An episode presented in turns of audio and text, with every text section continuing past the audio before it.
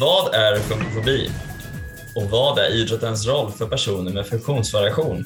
Och varför är det så svårt att skapa miljöer som är öppna för alla? Hej, det är Jakob här igen. Eh, välkommen till ett nytt avsnitt av Sportljus podcast. Det är en intervjupodd med perspektiv från idrotten som du aldrig fått höra förut. Vi gör helt enkelt en djupdykning i idrottens värld och intervjuar spännande människor om deras karriärer och liv inom idrotten. Vi tar helt enkelt med dig som lyssnar på en spännande resa bakom idrottens kulisser. Vi gör säsong tre i samarbete med Sportidealisten, jobbplattformen som är bara för idrotten.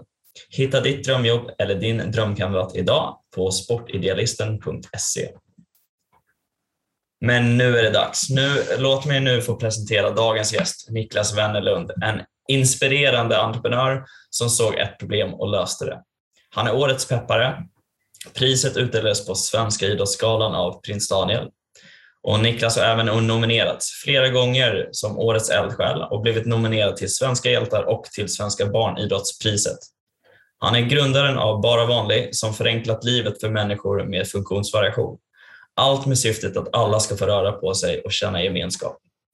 Med det sagt, välkommen till Sportljus podcast Niklas Wennerlund. Tack så hemskt mycket för att jag fick komma. Vilken, vilket intro! Wow! Jag kände så här, har jag gjort allt det där? Det kändes lite, kändes lite overkligt. Jag, jag tror nog du har gjort mer. Jag tror du har gjort mer, om vi säger så. Ja, men det, det, drivet har ju alltid varit att se till så att alla barn och ungdomar och vuxna med funktionsvariation ska, ska få röra sig på, på sitt sätt. Verkligen. Eh. Men jag tänker så här, jag nämnde ju Årets peppare till exempel. Ja. Spontant känns det som att det var länge sedan Idrottsgalan var, men det var ju faktiskt i, i år. Det var nu när vi spelar in 2021.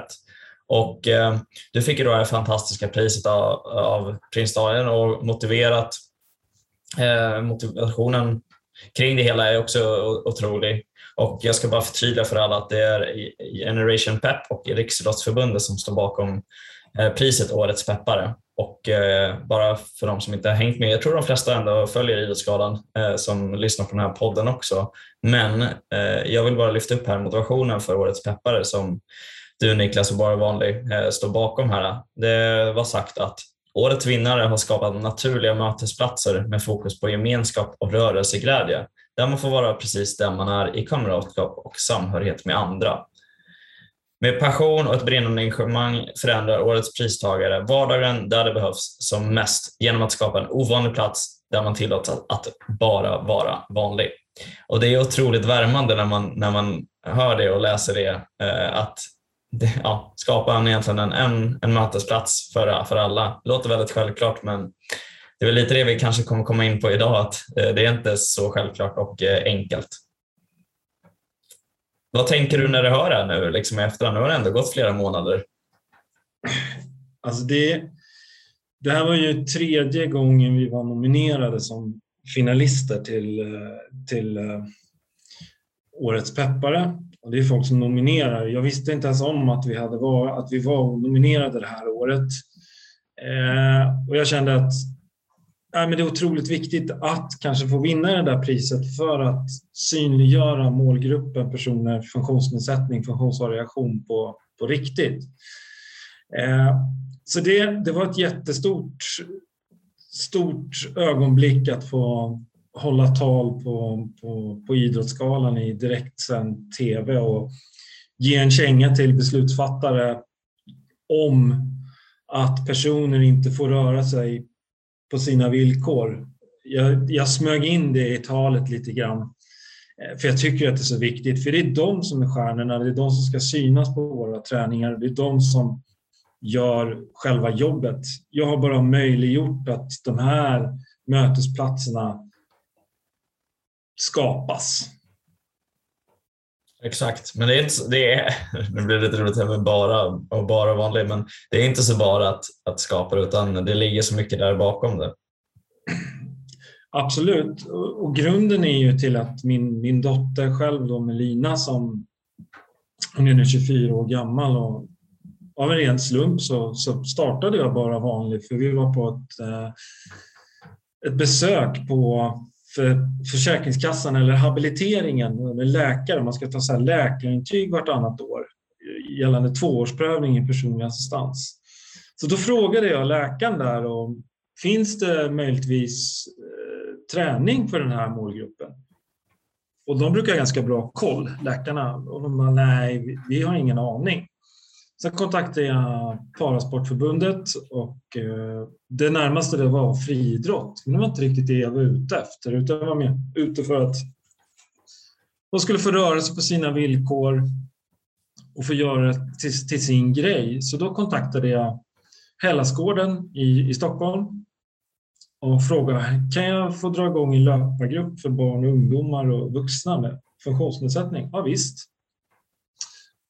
Och eh, det var bara jag och Melina och hennes personliga assistenter. Och Melina hon har inget tal överhuvudtaget. Hon har dagliga epilepsikramper. Hon har, får anfall varje dag. Så att hon är liksom inte urtypen av löpare om man säger så. Eh, men hon har ett rött bälte på som vid sin midja som, som hon har två assistenter vid sin sida och så kan hon springa på sitt sätt. Och så frågade jag henne med hennes podd, hennes alternativa kommunikation. Det är själv en bilderbok kan man säga med olika symboler som kan bilda meningar. Då frågade jag Är det, förlåt, är det som en sorts alltså datorskärm? Eller hur Nej, funkar det? utan det är som en, som en bok som man bläddrar. Okej. Okay. Eh, och då frågade jag Melina, eh, tycker du att det här är kul? Och hon tyckte att det var jättekul och det såg man också på hennes ögon. Ögonen glittrade, hon tyckte det var helt fantastiskt. Och ända sedan hon varit liten så har hon alltid tyckt om att röra sig. Så jag bestämde att jag fortsätter oavsett, bara om det är hon och jag som kommer och hennes personliga assistenter så kommer det här, vi kommer tycka det här är fantastiskt att åka varje tisdag till Hellasgården och göra en schysst aktivitet. Men så började jag marknadsföra mig på, på Instagram och Facebook, på social media. Och så började det komma lite, lite deltagare. Det kom lite föräldrar och lite deltagare och de tyckte också att det var kul. Jag bara flika in där, just när du marknadsför som du säger via Facebook och Instagram. På vilket sätt, alltså var det att du bara la upp en bild på något sätt att ni var ute och körde? Är det någon annan som vill hänga på, kom på eller kom förbi? Eller hur, kan du minnas hur, hur det gick till? Ja,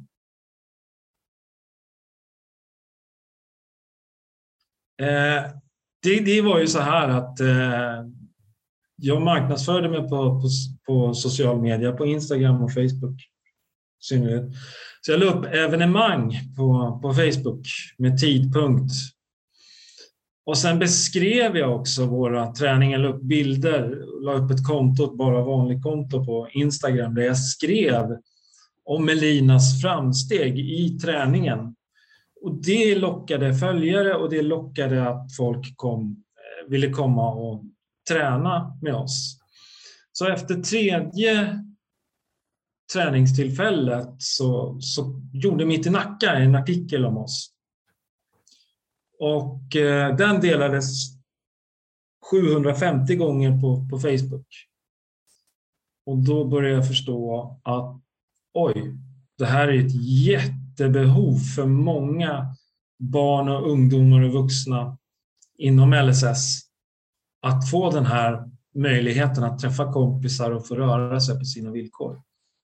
det, är otroligt, det är otroligt, bara, förlåt, bara bryta in där, att, alltså, hur, hur en uppstart kan funka så, men sen vilken vikt det har verkligen att få en spridning så att andra får veta om det. För att känner man inte till så är det svårt att veta vad som gäller. Och då är det ju, jag, jag tycker därför jag frågar just hur du la ut det. För att lägga ut ett evenemang är ju kanske något som man inte har tänkt på förut eh, när man vill få in fler folk.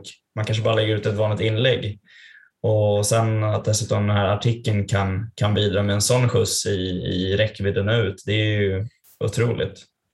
Jag, jag tror också nyckeln till eh, kommunikationen eh, är att vi har använt storytelling om man tittar på liknande organisationer så, så jobbar vi extremt mycket med storytelling. vi berättar en historia, ett framsteg för en löpare, en deltagare, så att man får följa en deltagare. Vilket gör att det blir mer intressant än att Kalle tränade på lördagen, sen fikade vi, sen gick vi hem. Utan det blir mer en berättelse. Så att följaren och även de som kanske vill bli deltagare känner wow, det här vill jag också göra. Eh, så jag tror att den smarta marknadsföringen, kommunikationen gjorde att, att det liksom växte ganska snabbt. Och då bestämde jag mig, efter den träningen så bestämde jag mig att 2021, året jag fyller 50, då ska vi vara rikstäckande och finnas över hela Sverige. Och det gör vi. Vi finns på fem ställen i, i Stockholm och vi finns på, i Strängnäs, Sölvesborg, Hudiksvall. Och vi startar nu upp i Malmö 2022. Häftigt. Mm. Hur, just det här med storytelling, var det någonting som bara kom av sig själv eller något som du fick nys om att man borde tänka så? Nej, det var någonting som kom om mig själv. Jag har alltid tyckt om att skriva om Eh, LSS-klimatet och påverka och opinionsbilda i, i LSS och kring, kring idrott och rörelse. Jag har alltid själv rört mig sedan jag var barn. Jag spelar fotboll, jag har klättrat, jag har hållit på med kampsport, jag har sprungit, jag har styrketränat, gjort allt. Eh, varför ska det då inte finnas det alternativet för, för, för de här barnen och eh, vuxna och unga vuxna för den delen? Eh, och det som skiljer oss från parasporten det är ju att vi tävlar inte överhuvudtaget. Så vi passar liksom inte in i, i RFs modell kring finansiering. Utan vi är ju mera ett Friskis och Svettis för personer med funktionsnedsättning, funktionsvariation skulle jag säga. Mm, och det är eh. intressant för, när du tar upp det just för att eh, Friskis och Svettis har faktiskt ju under det här året försökt bli ett, ett eget specialidrottsförbund. Och ja. för de som inte hänger med på vad ett specialidrottsförbund är så här har vi Riksidrottsförbundet som täcker idrottsrörelsen, eh, hela föreningslivet med idrotten eh, för hela Sverige.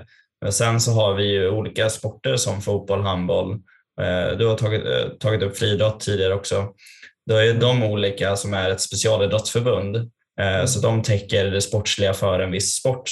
Och då har ju vi Friskis Svettis som du nämner, som jag tror de flesta har koll på, att det är en, ja, vad ska man, kanske, man kan man kalla en gymkedja eh, där du både kan träna styrkemässigt såväl som att det finns olika grupppass, mm. eh, aktiviteter. Mm. Och de sitter ju under eh, Friidrottsförbundet som ett specialförbund och de ville i år bryta sig ur eh, för att bli ett eget men fick nej. Ja. Eh, och det ska bli intressant Eh, Eh, för det kommer vi nog få se mer av från deras sida hur, hur det kan tänkas bli framöver. Men i ert fall då tänker jag ju att ja, men vad gäller för er med parasporten? Vad sa de när du var i kontakt? Har du pratat med dem? Eh, ja, jag pratade med dem för fem, sex år sedan. Eh, det var en parasport eh, på ganska hög nivå som diskuterade och det kändes som att de ville ha in oss som eh, deras ja, marknadsföra, sen skulle det hamna i Parasports eh, paraply. Och jag kände inte för det utan jag tänkte att vi har ju byggt upp det här tillsammans, jag och Melina. Eh, och dessutom så tävlar vi inte så vi passar liksom inte in. Vi passar inte in i den, den modellen. Och, så nu är det snarare så att vi vill, vara, vi vill absolut samarbeta med parasporten. Men vi ser oss som ett komplement till parasporten en inkörsport att folk kanske får springa och rulla och gå på sina villkor och sen kanske de känner för att börja med parafotboll eller friidrott eller hockey eller vad det nu, vad det nu kan vara. Eh, vi vill vara det här som erbjuder fysisk aktivitet man får träffa, träffa kompisar. För, för den här målgruppen så är det inte lika lätt att träffa kompisar som kanske för, du, för, för dig och mig. Eh, så att vi möjliggör att de får träffas på, på, på, på, sina villkor. Och vi har också ingen åldersgräns utan vi har deltagare som är fem år gamla och några som är 75. Och det funkar. Och det som också skiljer oss är att man har med sig ett, alltså från parasporten då, det är att man har med sig ett socialt stöd på träningen. Man har med sig en mamma, pappa, personlig assistent, personal, någon man känner sig trygg med. Och det gör att man kan känna sig, att de kan känna sig trygga på träningen och det kan bli mer en familjeaktivitet för alla. Så vi får igång inte bara deltagandet utan vi får även igång de sociala stöden. Så det är en win-win liksom, om man tränar, tränar för oss. Men om man bara tar det här som ett exempel så att om man inte då känner till bara vanlig du har varit inne lite nu precis här hur det kanske ser ut. Men om vi bara tar, hur ser kanske då ett pass ut för de som inte känner till? Liksom? Skulle du kunna förklara hur det skulle kunna se ut och ja, hur, ja, innehållet? Absolut. Absolut. Eh, vi har ju alla sorters funktionsnedsättning, funktionsvariation. Ofta så kommer de med sin mamma eller, eller pappa. Eh, det kan vara personer som har NPF, neuropsykiatrisk funktionsnedsättning. Eh, och så säger de hej, jag vill vara här och träna och då hälsar jag på, på, på deltagaren först. För bemötandet är någonting som vi jobbar med jättemycket, som vi tycker är jätteviktigt att vi hälsar alltid först på, våran, på deltagaren. Sen hälsar vi på sociala stödet. Sen säger jag, ja vad kul, nu kan ni vara med på vår gemensamma uppvärmning och då har vi en gemensam uppvärmning. Då brukar jag lämna över ansvaret så att deltagarna får bestämma sin egen uppvärmning. Så det är alltid någon som får skina och stå i mitten och få visa rörelse för andra. Eh, det kan vara burpees, det kan vara armhävningar, det kan vara jumping jacks, det kan vara höga knähopp. Eh, det, det bestämmer de. Ibland är uppvärmningen på fem minuter och ibland är den 30 sekunder. Det bestämmer deltagaren och det är det vi jobbar med, att de själva får bestämma hur långt de ska springa, rulla eller gå, hur långt de ska ha uppvärmning. Sen efter vi varit ute och sprungit i spåret, några springer i spåret, några springer bara med sina sociala stöd eller rullar. Efter det så samlas vi för att fika. Och man har med sig medhållt fika. Och vi ligger ingen värdering om de äter kladdkaka eller om de äter frukt. Men de tittar ju på mig och andra ledare som jag sitter och äter nyttig, oftast nyttiga smörgåsar eller frukt. Och så efter ett tag så kan det komma en sån här interagerande fråga. Men du ser så stor och stark ut. Ja, men det är för att jag äter frukt och nyttiga smörgåsar. Och då tar de efter. Men vi tjatar aldrig, vi lägger aldrig på något tvång att ni ska klara av den här tidsgränsen. Några tycker om att tävla och, springa, springa snabbt, då ska de få göra det. Men merparten av de som är med tycker inte om att tävla. De tycker bara om att få vara ute i skogen och få röra på sig. Jag tycker, jag tycker det är också jätteviktigt det du tar upp med fikabiten, just att det är inte så att alla måste passa in i en fikant där utan du utgår från dig själv och sen som du säger, man kanske är nyfiken på vänta, vad tar de andra med sig och det blir ett samtalsämne och ja, du skulle kunna inspirera då till exempel fler att kanske välja en hälsosammare fika till nästa gång men som sagt, det är inte så att eh, du får inte komma nästa gång utan kom förbi, du gör på ditt sätt, eh, vill du testa annat, fråga. Ja. Exakt. Men jag tänker på det här med uppvärmningsmässigt och, och, och just som du säger, rulla, springa, gå och liknande. Mm. Just funktionsvariation i sig självt. Det är mm. ju rätt brett, eh, alltså vad det kan innebära. Mm. Och eh, tittar man då på de grupperna som, som du har sett och varit med av, vad är, det för, mm. vad, är, vad är vi pratar om när vi pratar om funktionsvariation? Det är NPF, det är folk som sitter i rullstol, det är folk som har eh, CP-skador. Det är allt från rörelsenedsättning till intellektuell fun funktionsnedsättning till eh, eh, neuropsykiatrisk funktionsnedsättning, variation skulle jag säga. Eh, folk som sitter i permobil. Eh, vi har inte haft någon med rullator. Jo, det har vi visst haft i Hudiksvall. Eh, så det, det är som alla. Eh, alla är välkomna och det är inte bara för dem med funktionsnedsättning. Det har ju blivit så. Men alla är välkomna att komma och träna med, med oss. Vi har inga gränser. Liksom. Vi tycker att alla ska få vara med. Det är roligt. Ja, men det, röra på sig. det låter ju som en bra grund. Men jag tänker på just jag själv som inte har en funktionsvariation och jag tror mm. väldigt många som, som lyssnar inte kanske heller har det eh, eller man har inte den kunskapen och förståelsen för allt vad det kan innebära. Och jag tänker så här, just som säger uppvärmningen och så bestämmer de någonting. Eh, kan, om alla inte kan göra just det som, som sägs, hur hanteras mm. det i gruppen? Det hanteras ju som så att jag gör ju burpees på mitt sätt. På mitt sätt är ju mina burpees, det är att jag gör ett upphopp och en armhävning. För Adam då som är ledare som sitter i permobil och har en, en CP-skada och som också är ledare och volontär som då har en iPad där han skriver han skriver ner programmet och så kommer en robotröst vad han gör. Han gör ju burpees på sitt sätt. Så att alla kan göra burpees. Det handlar om din inställning. Din inställning. Du tycker att burpees ska se ut på ett visst sätt. Armhävningen ska se ut på ett visst sätt. Det är samhället som har gjort det. Jag har folk som sitter i permobil som tar på sig löpartights för de identifierar sig som löpare. De känner sig som löpare när de sitter i sin permobil, när de får röra på sitt finger, när de får röra på kroppen och känna att här får jag vara med och bestämma. Mm. Ja, det, det är bra. Jag tycker det är klockrent att kunna fortfarande säga samma sak, men du gör den uppfattningen själv, hur du uppfattar just det, det, det tillvägagångssättet. Ja, det handlar om att se, se personen och sen så är det så här, vem är det som säger att det ska vara på ett visst sätt? Det är, det är normen, samhället, som säger att burpees ska vara på ett visst sätt. Men om alla ska klara av att göra burpees så måste man ju få göra det på sitt eget sätt. Exakt. Men du, eh, jag minns ju första gången vi hördes vid och eh, det var ju mm. faktiskt 2017 eh, som vi hördes vid och jag skrev lite så notering kring så här, men vi hade, du hade precis kommit igång och du hade kommit i kontakt med Hellasgården och för de som inte känner till det så kan man väl säga att det är en sportanläggning och en klubbgård där det finns olika aktiviteter man kan, man kan göra. Eh, och eh, ja, jag skrev ner från samtalet att eh, det var väl kanske 15, 15 stycken som träffades där då. Och hade just fokus på, på rörelse och det sociala utan tävling, just som du, ni fortfarande har. Och då hade du precis fått igång en personlig assistent som startat upp i Karlstad.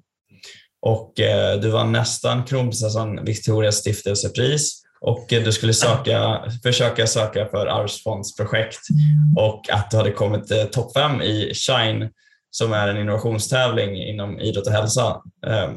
Och nu är det då fyra, fyra år senare, så som jag var inne på i inledningen, det är några nomineringar som då eh, varit, varit bland och blivit årets peppare som sagt och du nämnde precis att eh, ni är, finns på flera platser runt om i Sverige. Så det, är en, mm. en, det är en spännande fyraårsperiod däremellan från kommit precis igång till vad vi är idag.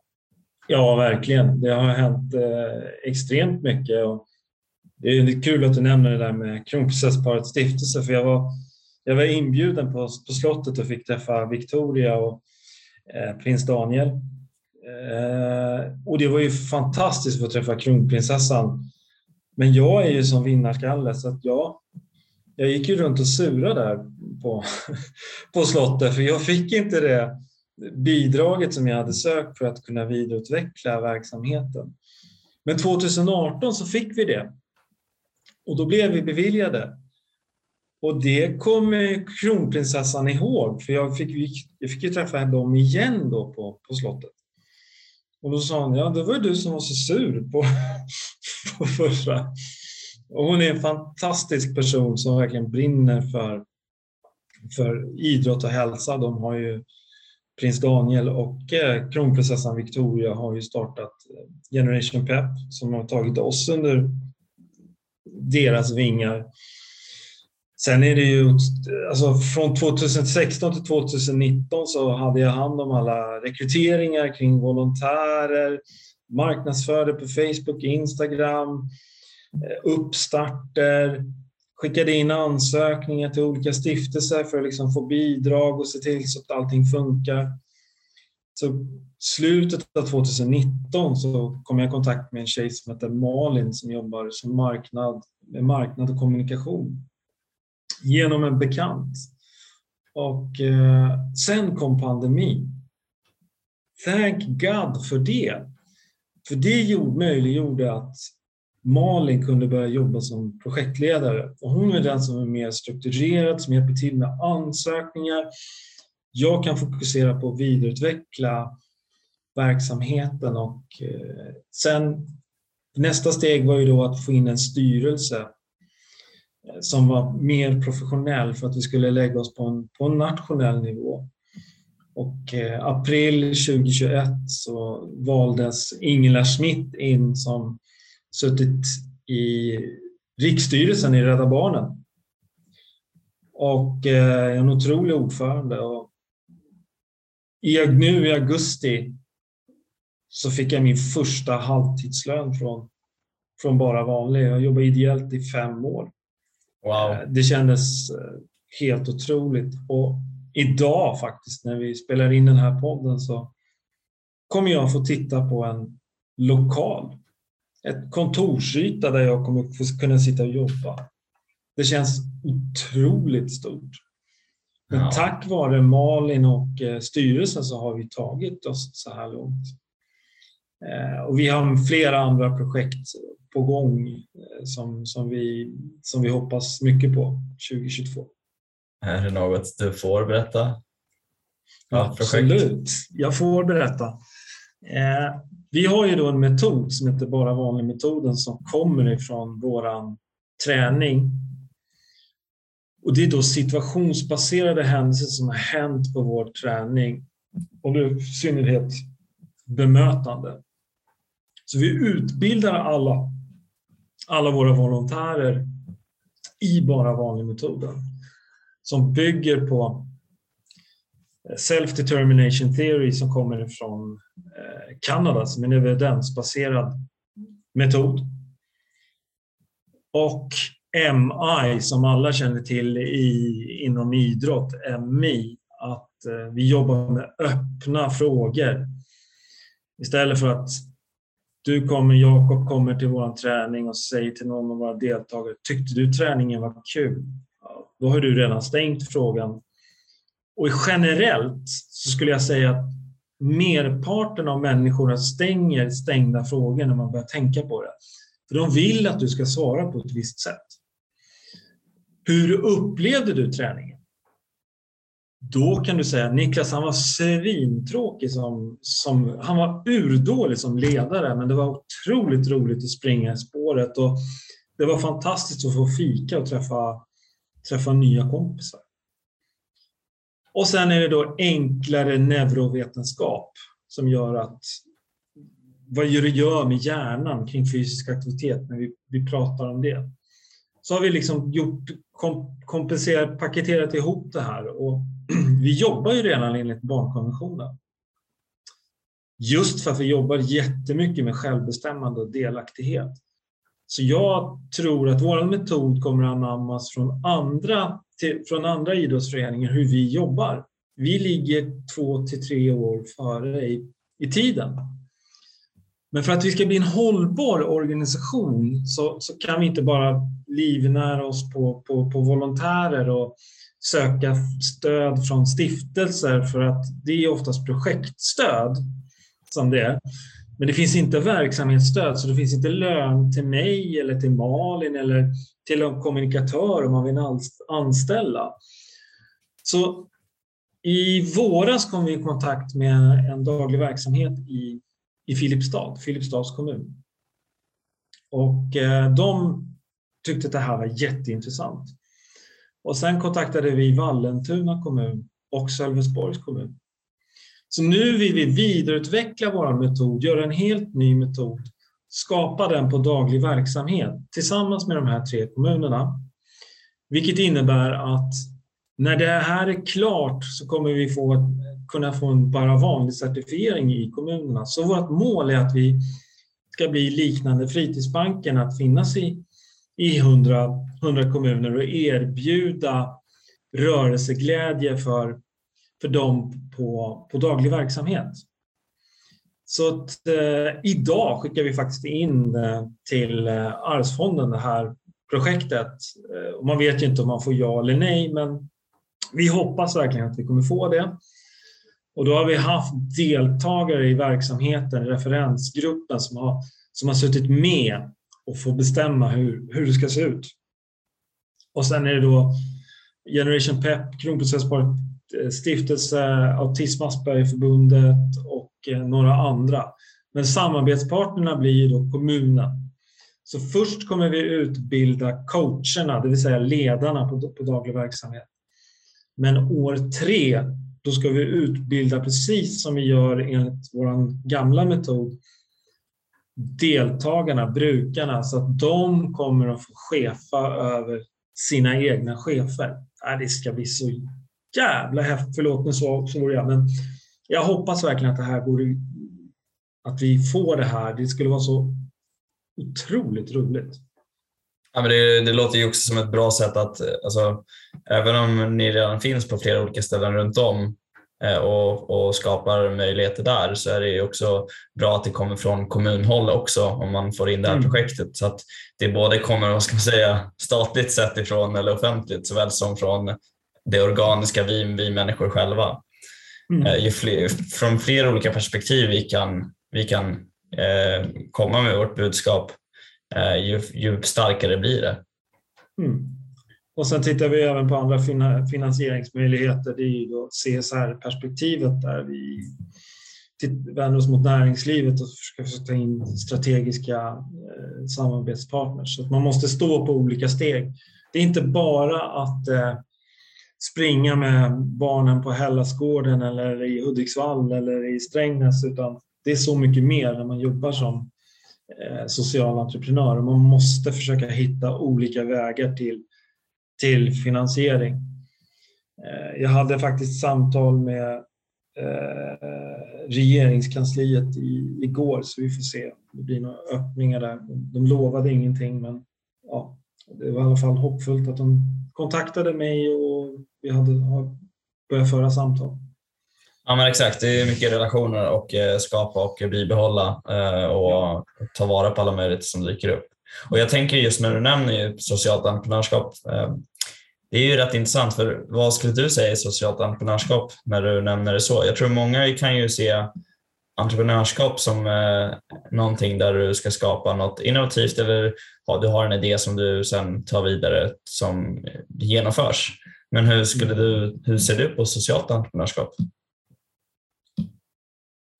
Eh, socialt entreprenörskap skulle jag säga är man ser en, eh, en sak som saknas i samhället och man kan göra nytta för, för, för fler människor än en, än en själv. Det är klart att en entreprenör kan göra en produkt som gör, som gör skillnad. Men jag tänker om det gör skillnad på miljön eller gör skillnad för människan i stort. Då skulle jag säga att det är socialt eh, entreprenörskap. Eller om man Kanske jobba med integration. Det är socialt entreprenörskap. Mm. Och, Enligt mig. Ja, och det är det som, som jag vill liksom förstå hur, hur du ser på det. Och Jag tänker ju mm. just kring allt det här som du har berättat nu. Du har ju varit flera år och nu äntligen så kan du faktiskt också få ut en, en viss lön i alla fall. Mm. Och Jag tänker här, du nämnt Malin nu och styrelse. Mm. Tittar man tillbaka så här, hur, hur har tankarna gått kring att få skapa upp en sorts organisation runt om Bara vanligt så att du inte gör allt själv? Har du, har du brottats med det? Liksom, vem ska komma in och hjälpa till? Är det svårt att släppa in andra som också ska få, få vara med och, och skapa? Hur, hur har du sett på den ansvarsfördelningen? Alltså i början så har det varit sjukt jobbigt för det är på något sätt är mitt, mitt skötebarn. Eh, jag vet hur det ska drivas och hur det ska göras. Eh, så det har varit jättesvårt att släppa taget i en början, men det har också varit ett måste för att ta steget och bli, bli nationella så måste man ta in personer och lita på andra personer att de gör, gör jobbet. Och Malin gör det med, med bravur. Hon är fantastisk. Styrelsen likaså. Eh, och, och eh, det är skönt också att få, få avlastning och sätta struktur. Och Kronprinsessparet stiftelse som har stöttat oss sedan 2018, de satte krav på mig 2019 att nu måste du bygga organisation om du ska, om du ska gå vidare i det här sociala entreprenörskapet. Eh, och det är inte så lätt att bygga organisation med noll kronor, utan då handlar det om att försöka sälja in budskapet att snart så blir det pengar och, och, an, inte anspela men att folks goda hjärta. Eh, det är också ett problem eh, för folk ser samhället, eh, de personerna i näringslivet ser det här som en ja men vad fint att ni gör det här men det är inte värt någonting i, i, i pengar och det är generellt kring just socialt entreprenörskap. Vad är det värt? För det finns liksom ingen prislapp som man kan, som man kan sätta i, i fysisk aktivitet eller ökad eh, psykiskt välmående eller fysiskt välmående, utan då måste man göra en effektmätning och då fick vi då stöd från eh, idéer för livet. Så vi håller på med en effekt, effektmätning nu för att kunna påvisa vad det fysiska och det psykiska gör och kunna få fram en, en prislapp för att då kunna motivera att så här mycket, så här stor skillnad gör vi för de här barnen och, och, och vuxna. Så det kommer 2022, kommer vi ut med en, en effektmätning. Eh, har, ska skicka in sista, sista ansöknings eller rapporten ska skickas in 9 november så vi jobbar stenhårt för att försöka få, få det att bli klart. Så det, det, det är lite mera än att kanske driva en ha en liten fotbollsklubb där man har ett lag som man, som man tar hand om. Det, det, det är så mycket mer när man jobbar med socialt entreprenörskap. I en vanlig idrottsförening så får du ju stöd från, från RF, Riksidrottsförbundet, det vill säga LOK-stöd, man kan söka olika saker och de får det skickade till sig. Så de är liksom inne i en karusell där det är mycket lättare att få, få finansiering ifrån. Så att eh, det, blir, det, det är väldigt olika villkor beroende på var man hamnar skulle jag säga. Och det är inte bara vi, bara vanliga, utan det är Fritidsbanken, det är en frisk generation, det är flera andra liknande organisationer som inte passar in i RF, som inte passar in i ideellt, ideell organisation där pengarna ska gå från kanske socialdepartementet eller LSS. Så att någonting måste ju skapas. Vi passar inte in i den här fyrkanten utan vi är en cirkel och det går ju liksom Så att eh, det, det är jättespännande att se vad vad RF kommer att hitta på. För de måste, tror jag, hitta på saker för att vi kommer, nya organisationer kommer nu att knacka på dörren med, med, nya, med nya verktyg. Ja, också, också kan man ju tillägga att RF har ju en, har ju en strategi 2025 där det är bland annat att det ska vara inkluderande för alla. Ja. Så, så att det är väl självklart att eh, är ni inte en del av det redan nu så, så kan man inte säga att ni inte kan vara det utan det handlar mer om att okay, hur, hur tar man emot er på ett eller annat sätt? Mm. Men jag tänker på, jag tänker på, du nämnde att Malin kom in, tack och lov, på grund av pandemin. Kan du förklara mm. bara hur du menar med det? Nej, men hon jobbade med marknad och kommunikation, hon är egen företagare och eh, jobben blev... Hon fick inte lika mycket jobb vilket innebar att hon kunde lägga tid på, på Bara vanligt. Och hon såg också vinsten i att jobba med Bara vanligt. Dels för att lära sig saker, men också för att kunna ge tillbaka. Och, eh, så det var därför, tack vare pandemin. Men sen har ju pandemin förstört för oss också. Det är ju tre grupper som har lagts ner under pandemin. För vi har ju många under riskgrupp och vi körde på. Vi vi skapade coronabildstöd för de med intellektuell funktionsnedsättning, att man skulle hålla avstånd. Eh, man skulle liksom tydliggöra träning och nu eh, har vi anlitat en, eh, en kvinna som kommer hjälpa oss med teckenstöd. Så vi kommer utbilda alla våra, alla våra volontärer i teckenstöd för att vi ska kunna kommunicera med alla deltagare och det är vi vad jag vet, ensam om i, i Sverige. Jag gillar att utmana och vara liksom före och vara tack, taktpinnen och föra bara vanlig framåt. Så det känns otroligt roligt. Och tack vare pandemin så, ja, så fick vi Malin. Eh, det känns jättebra. Vi har nästan daglig kontakt. Vi bollar operativa beslut mellan varandra. Och sen har jag då Ingela som ordförande som jag pratar med veckovis för att göra avstämningar. Allt har blivit så mycket mer professionellt sedan 2016 när jag tyckte att det här var ju, det här var ju kul att få springa lite. Ja, jag har lärt mig otroligt mycket under den här resan. Dels har jag fått många nej från ansökningar till stiftelser som har gjort att jag har fått spetsa mig ännu mer, ännu mer, ännu mer till, till slut tills att vi liksom ska kunna få det. Det är tredje gången vi söker nu till, eh, till Arvsfonden. Eh, Påskostiftelsen har vi också fått nej från.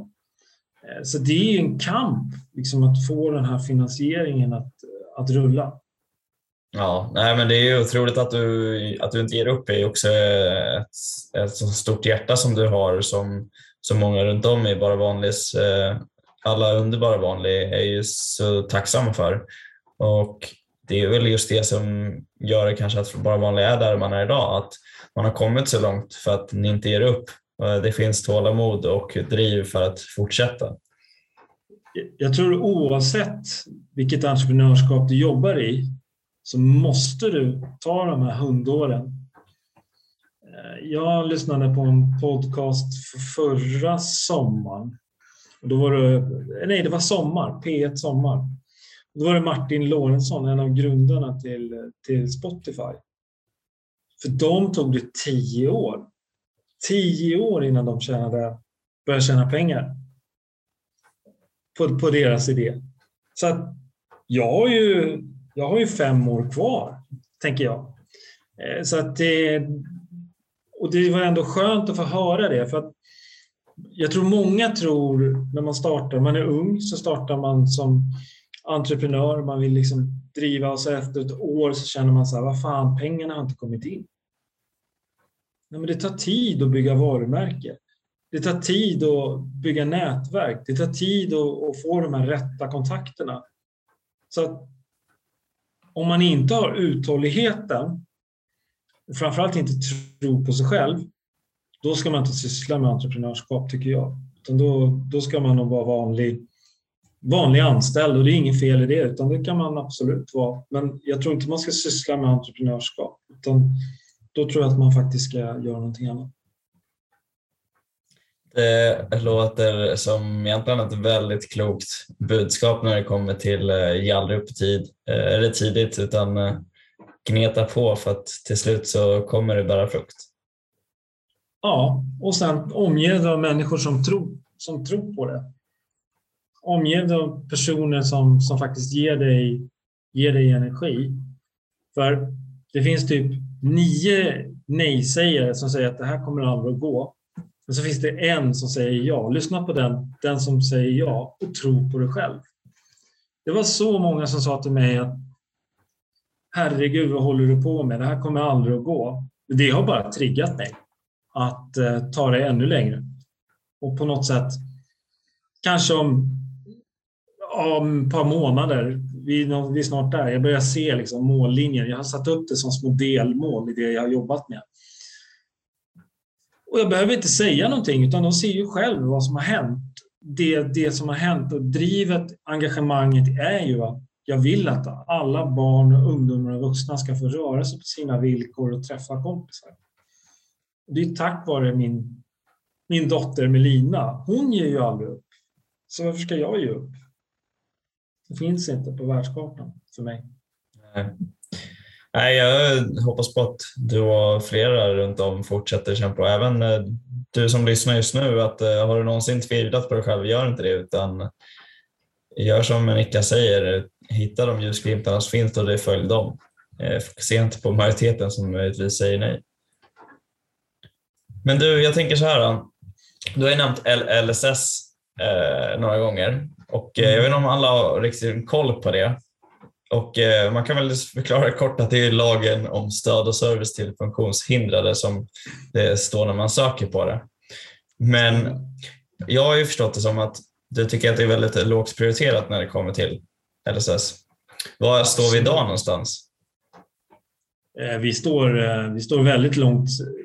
kan, man kan säga att 2009 började jakten på personer inom personlig assistans. Då snävades reglerna till på olika sätt som möjliggjorde, omöjliggjorde att personer skulle få personlig assistans. 2015 så snävades reglerna ännu mera. Då var det 4 000, 3 500 som ramlade ur personliga assistanssystemet. Och det är ju faktiskt den billigaste reformen för de LSS som vi pratar självbestämmande och delaktighet. Och på boende, det finns fantastiska boenden, men boende det kostar ju en plats 3 till 5 000 per dygn. Och bor du hemma så betalar du hyra. Det är, det är det enda du gör. Och sen är det ju så att personliga assistenterna får ju lön. Och då får de skatt. 32 procent skatt tillbaka på varje assistent. Så att det kostar 24 miljarder som de säger, det stämmer ju inte. Utan hälften går ju tillbaka, så det kostar ju inte så mycket som, som regeringen vill påskina. Eller riksdagen av regeringen vill påskina. Utan de glömmer bort de kostnaderna, att det kommer tillbaka till, till, till starten. Det är otroligt märkligt. Eh, så att eh, det finns mycket att göra där. Och jag gör ju väldigt mycket genom att, eller vi på Bara Vanlig gör väldigt mycket genom att opinionsbilda och visa det här positiva exemplet att de är ute och rör på sig. Eh, och det är lite tudelat ibland. Jag gav bland annat en känga i talet på Årets peppare om man har lyssnat på det på, på Idrottsgalan, så gav jag en känga till samhället mellan raderna.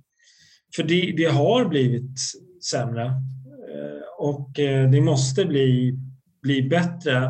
Men jag kan, så vi kan inte vara på alla håll och kanter. Vi försöker ta fram någonting positivt inom LSS med bara vanlig och påverka på det sättet. Istället för att säga det här är fel och brister, så här ska ni göra, så försöker vi vara positiv. Men vi ger också kritik till eh, när jag träffar politiker, vilket jag gör ibland och förklarar. Jag är rätt insatt i LSS för att jag har eh, för att min dotter ska få tillgodose hennes rättigheter så har jag blivit tvungen att lära mig LSS. Eh, och det är många föräldrar som eh, är duktiga på LSS. Jag är definitivt inte ensam om det, utan det är flera. Och, men det är ingen viktig fråga som tas, tas upp. Det, det, känns inte som att det är viktigt för övriga samhället, utan det är vi föräldrar, brukare, de som är beroende av personlig assistans eller LSS överhuvudtaget som krigar. Eh, när det liksom kommer till rasism, ja då är det liksom 40 000 på, på, eh, på Sergels torg och protesterar. Men när det kommer till personer med funktionsnedsättningar, då är vi liksom 400 trötta på Norra Bantorget, lite undangömda i ett hörn, eh, som får demonstrera. Eh, och det här handlar om alla människors lika värde, oavsett om det handlar om hudfärg eller om det handlar om funktionsnedsättning det försöker jag påverka så att folk faktiskt får upp ögonen. Att, för du själv kan ju faktiskt eh, bli påkörd, råka ut för en olycka och så är du beroende av personlig assistans. Eller boende, du är beroende av LSS. Då helt plötsligt blir frågan viktig. Men så ska det inte behöva vara. Det ska ju, man ska ju behöva kriga för, den, för sina medmänniskor ändå, även fast man inte själv sitter i sitter i rullstol eller behöver stöd inom LSS. Jag tänker så här. Det är ju många som är på något sätt intresserade av idrott som, som lyssnar på, på vår podcast till exempel. Men det finns mm. många människor som kanske hoppar in från ett annat perspektiv till det här avsnittet också. Och jag tänker från idrottsrörelsens sätt som ändå är mycket om just rörelse hur kan, hur kan idrottsklubbar oavsett sport egentligen liksom ta ett första steg för att vad ska man säga, öppna upp sin verksamhet för funktionsvarierade människor. För det är väldigt många som inte erbjuder det. Och jag vet inte om man kanske, man kanske inte kan sätta ett krav att alla ska göra det, men de som är nyfikna på vad är det man kan börja som första steg för att se till att bidra? Eh, för det första så finns det väldigt mycket rädsla kring eh, hur man ska göra fel och ena med andra. Eh, jag har gjort massor med misstag kring personer med, med funktionsnedsättning, för jag är bara människa. Alltså på något sätt våga vara var dig själv och, och, och bjud in. Alltså det behöver inte bli, det behöver inte vara svårare än så, utan på något sätt så ta bort den här rädslan och var dig själv och ställ, ställ frågor om du, inte, om du inte själv förstår. Ställ frågor till mottagaren, det vill säga att kanske den personen som har funktionsnedsättning, funktionsvariation. Hur vill du att jag ska göra? Då får du 90 procent eh, ett svar, tror jag. Och då utgår man från det och så anpassar man efter det. Det behöver inte vara, vara svårare än så. Det, nu kanske jag förenklar det hela, men jag tror inte att man ska stirra sig blind på funktionsnedsättningar, utan man ska se människan. Och så pratar man och frågar hur vill du att jag ska göra? Och då får man, då får man ett svar. Bra. Enkelt är bra. Och det är lättare ja. att börja med något som är enkelt än något som är svårt. Ja. Klockrent. Du, eh, vi håller på att komma mot slutet och eh, vi har fått in en, en lyssnarfråga som kom från Lena. Och, ja. eh, hon skulle vilja höra hur synen på träning för och med människor som har funktionsvariationer har förändrats av samhället och de som tränar människor utan funktionsvariationer. Så att någonstans är så här, hur, vad ser du när det kommer till synen på träning med människor eller för människor med funktionsvariation? Om det har påverkats av samhällets utveckling Eh, och sen så har vi de, de som tränar människor utan funktionsvariationer. Så om man tittar på hur, hur ser det ut idag tycker du när det kommer till, vi har ju varit inne på det lite redan, just det här med mm. träning för funktionsvarierade och de mm. som utan några funktionsvariationer? Eh, jag skulle säga att eh, det har absolut eh, påverkats. Eh, vi syns, eh, det är jättebra. Parasporten syns mer, det får mer synlighet i, i tv, i media. Det pratas mer om det. Men på något sätt så blir det någon sorts hyllning när en person med funktionsnedsättning tränar. De tränar ju precis som du och jag. Det är ingen som står och klappar händer och jublar i, i, i löpspåret när du är ute och springer eller jag är ute och springer. Jag önskar att det nästan hade varit det. Det hade varit lite trevligt. Ja, men, men jag tror att det finns en fara att på något sätt göra ett jippo av personer med funktionsnedsättning för att de tränar. Oavsett om det är parasport eller bara vanlighet. Man ska, och titta, den här personen med en arm klarade att springa. Ja, men den har haft en arm kanske sedan födseln och det, det, är hennes, det är hennes eller hans naturliga. När vi inte pratar funktionsnedsättning, när vi inte pratar, vi bara pratar träning, när ingen reagerar när någon svischar förbi i löpspåret med en permobil, när vi tränar tillsammans allihopa, då skulle jag säga då har vi kommit långt. Men det, vi, vi är inte där. Utan vi har speciella grupper som, som bara vanligt till exempel. Min önskan är att alla skulle träna på, på bara vanlig. Både friska och folk med funktionsnedsättning. Eh, eller normala ska jag säga. Friska är fel uttryck. Normal, och vem är normal? Det är också intressant. Eh, det handlar om hur man är som, som man är som person. Så det är väl mitt svar att eh, när eh, ingen kommenterar när man sitter i rullstol eller har ett annorlunda avvikande beteende mot eh, samhället och blir accepterad och ingen tittar på utan bara ah, okej, okay, han, han och hon är här och tränar. Då, då kan vi säga att vi och delaktighet för alla.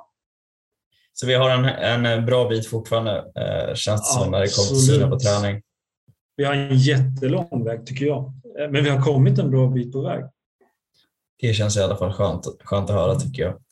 Men du, du har ju också en bok, har jag förstått som, eller hur? Ja, det stämmer. Ja, det finns som ljudbok också va? Ja, det finns som ljudbok. Är det något du vill lyfta fram kring den möjligtvis? Ja, jag skrev den för att eh, jag vill... Eh, det är många som har skrivit böcker om hur det är att leva med funktionsnedsättning eller som anhörig och sådär. Men antingen är det nattsvart eller så är det liksom superhappy och för mig har det varit någonstans mitt emellan. Och på något sätt så kanske vi ökar förståelsen för andra som lever, som är anhörig, som lever med personer med funktionsnedsättning och hjälpa andra personer som kanske är i den situationen som jag var för 24 år sedan. Eh, den är hårt skriven. Jag har fått mycket kritik om språket. Det är hårt skrivet. Eh, men det är min verklighet som den har sett ut och eh, jag har beskrivit den. Den är väldigt naken. Jag har fått blandade recensioner. Vissa tycker att den är fantastisk och vissa tycker att den är alldeles för hårt skriven och de tycker att jag fokuserar på bara det mörka och inte det, det goda. Men det gör jag, men jag beskriver det mörka på ett ganska hårt sätt. Skulle jag säga. Mm. Och eh, jag tänker ju så här att eh, är man nyfiken på att veta lite mer så kan man kika i avsnittsbeskrivningen för det här avsnittet så finns det en länk där som ni kan lätt hitta vidare för just eh, Niklas eh, bok och, eller ljudbok för den delen. Eh, så kan man förstå lite mer vad du syftar på när det kommer till lite hårdare ton eller inte.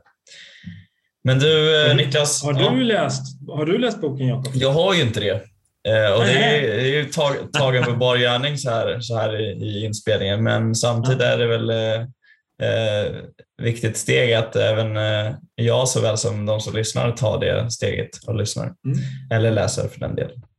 Mm. Så det är en bra passning till mig också. Det tycker jag är bra att du ställer frågan. så. Ja. Men du Niklas, hur kan man komma i kontakt med dig? Eh, enklast är att mejla mig på niklas med bara c, bara vanlig.se och eh, sen är jag rätt aktiv på på LinkedIn. Kan även kontakta mig där, Niklas Wendlund, så löser vi det där. Jag är också ute och föreläser kring, kring bara vanlig och kring starten kring bara vanlig. Kanske det som ni har lyssnat på idag, men även andra, andra punkter. Och, men eh, det här året är jag fullbokad så att eh, näst, nästa år tar jag emot bokningar. Så om det finns intresse för det så bara hör av er. Exakt. Det är, eh, den här informationen hittar man också i avsnittsbeskrivningen. Så att, eh, nu när du som lyssnar på det här avsnittet eh, är nyfiken på lite mer kring boken alternativt kontakta Niklas så klicka bara upp den poddspelaren du använder och kika den informationen så finns det länkar eller beskrivning kring hur man kan gå tillväga. Men du eh, Niklas, eh, jag känner egentligen att har jag en massa andra frågor jag skulle vilja ta upp men jag vill också respektera din tid och det kanske innebär att vi får ta ett annat avsnitt längre fram. Men det finns ju väldigt mycket intressant som vi ändå har hunnit med att prata om idag. Och mm. Eh, ja, jag tycker det är otroligt häftigt och inspirerande att få dels ha varit med 2017 på ett hörn i ett samtal där vi började eh, komma i kontakt med varandra och se hur, vad som har hänt därefter och fortfarande höra att det bara går framåt och framåt. Eh, så det är otroligt inspirerande och eh, eh tacksamt att du ställer upp och att du vill dela med dig. Eh, för det är otroligt viktigt att få lyfta fram de olika perspektiven inom idrotten. Och eh, ja, det, verkligen bara fortsätt. Det är grymt och eh, jag tror ju såklart inte att du kommer någonsin ge upp utan du kommer inspirera många fler eh, att fortsätta göra häftiga saker. Så det är verkligen tacksamt att du är med. Eh, har du något mer du vill säga eller lyfta upp innan vi avrundar? Nej, utan eh, stort tack för att jag fick vara med i podden. Verkligen en ära. Och, otroligt roligt med det där samtalet faktiskt 2017. Det måste, det måste jag säga. Jag hade lika mycket energi då som jag har nu. Eh, och det var kul att höra, att höra din resa, hur din resa har gått framåt då, som vi pratade om lite innan vi drog igång själva podden. Exakt, så man får tyvärr inte lyssna på det i det här avsnittet utan Nej, då får man, nog kontakt, kontakta mig efteråt i så fall. Men absolut, vi hade lite prata in, inför. Jakob är grym, så kör hårt, säger jag. Ja, Nej, men det är häftigt och eh, jag vill passa på också att önska dig lycka till Niklas och hela verksamheten framåt och se fram emot att eh, se hur det också växer i Malmö där, där jag oftast eh, håller till. Mm. Vi drar igång nu på, på vårkanten. Vi har eh, tre volontärer som är klara. Då, så vi ska utbilda dem nu här i, i januari. Och sen har vi satt ut ett ställe som vi ska vara på och sen har vi några eventuella sponsorer, men det är lite hemligt. Jag kan inte avslöja det än. Men eh, ja, så det känns jätte, jättespännande. Mm. Och känner man nu som lyssnar att man vill hjälpa till på ett eller annat sätt så är det återigen, då är det bara att höra av sig till Niklas. Så ja, ja. Vill man, vill man bli volontär så, och starta en löpargrupp så krävs det minst tre stycken. Sen utbildar vi är det bara vanlig metoden. Ni får kläder, ni får flagga. Och sen kör man en gång i veckan när man är sammankallande.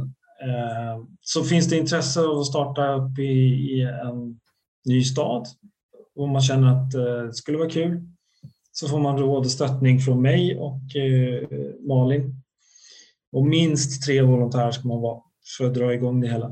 Och sen får man, precis som vi sa i början, som Jakob sa i början, måste ha lite uthållighet. Allting kommer inte på en gång utan det tar någonstans mellan ett, kanske ett och ett halvt år innan man har en, en grupp som att det, det är flera stycken som kommer. Det handlar om marknadsföring, det handlar om kommunikation. Så. Men det får ni hjälp av oss i så fall. Grymt. Stort tack Niklas. Och, tack själv. Och stort tack till dig som har lyssnat på det här avsnittet. Eh, det finns så mycket man kan ta upp här, men eh, vi får ta ett helt enkelt ett nytt avsnitt. Men eh, några av lärdomarna man tar med sig här av Niklas är ju helt klart eh, drivet, uthållighet och enkelhet. Det handlar om att bara ta de första stegen och inte ta det för stort. Och sen eh, tänka längre fram och inte nästa vecka bara. Och eh, innan vi avslutar så passar jag på att eh, önska dig som lyssnar att eh, prenumerera på podden så hänger du med i kommande avsnitt också där vi tar fler nya unika perspektiv från idrotten. Och eh, vill man önska mm, gäster eller komma med förslag på ett eller annat sätt eller feedback så eh, följ oss på Instagram på Sportviews podcast så kan vi höras vidare där. Och eh, slutligen, eh, kontaktinformation till Niklas finns i avsnittsbeskrivningen. Och du är alltid välkommen att höra av dig och följa oss på ett eller annat sätt. Eh, vi finns där för dig och vi hoppas att du finns där för oss. Med det sagt så får du ha en fortsatt fin dag vart du än lyssnar och vilken tid det är. Så säger vi så. Ciao!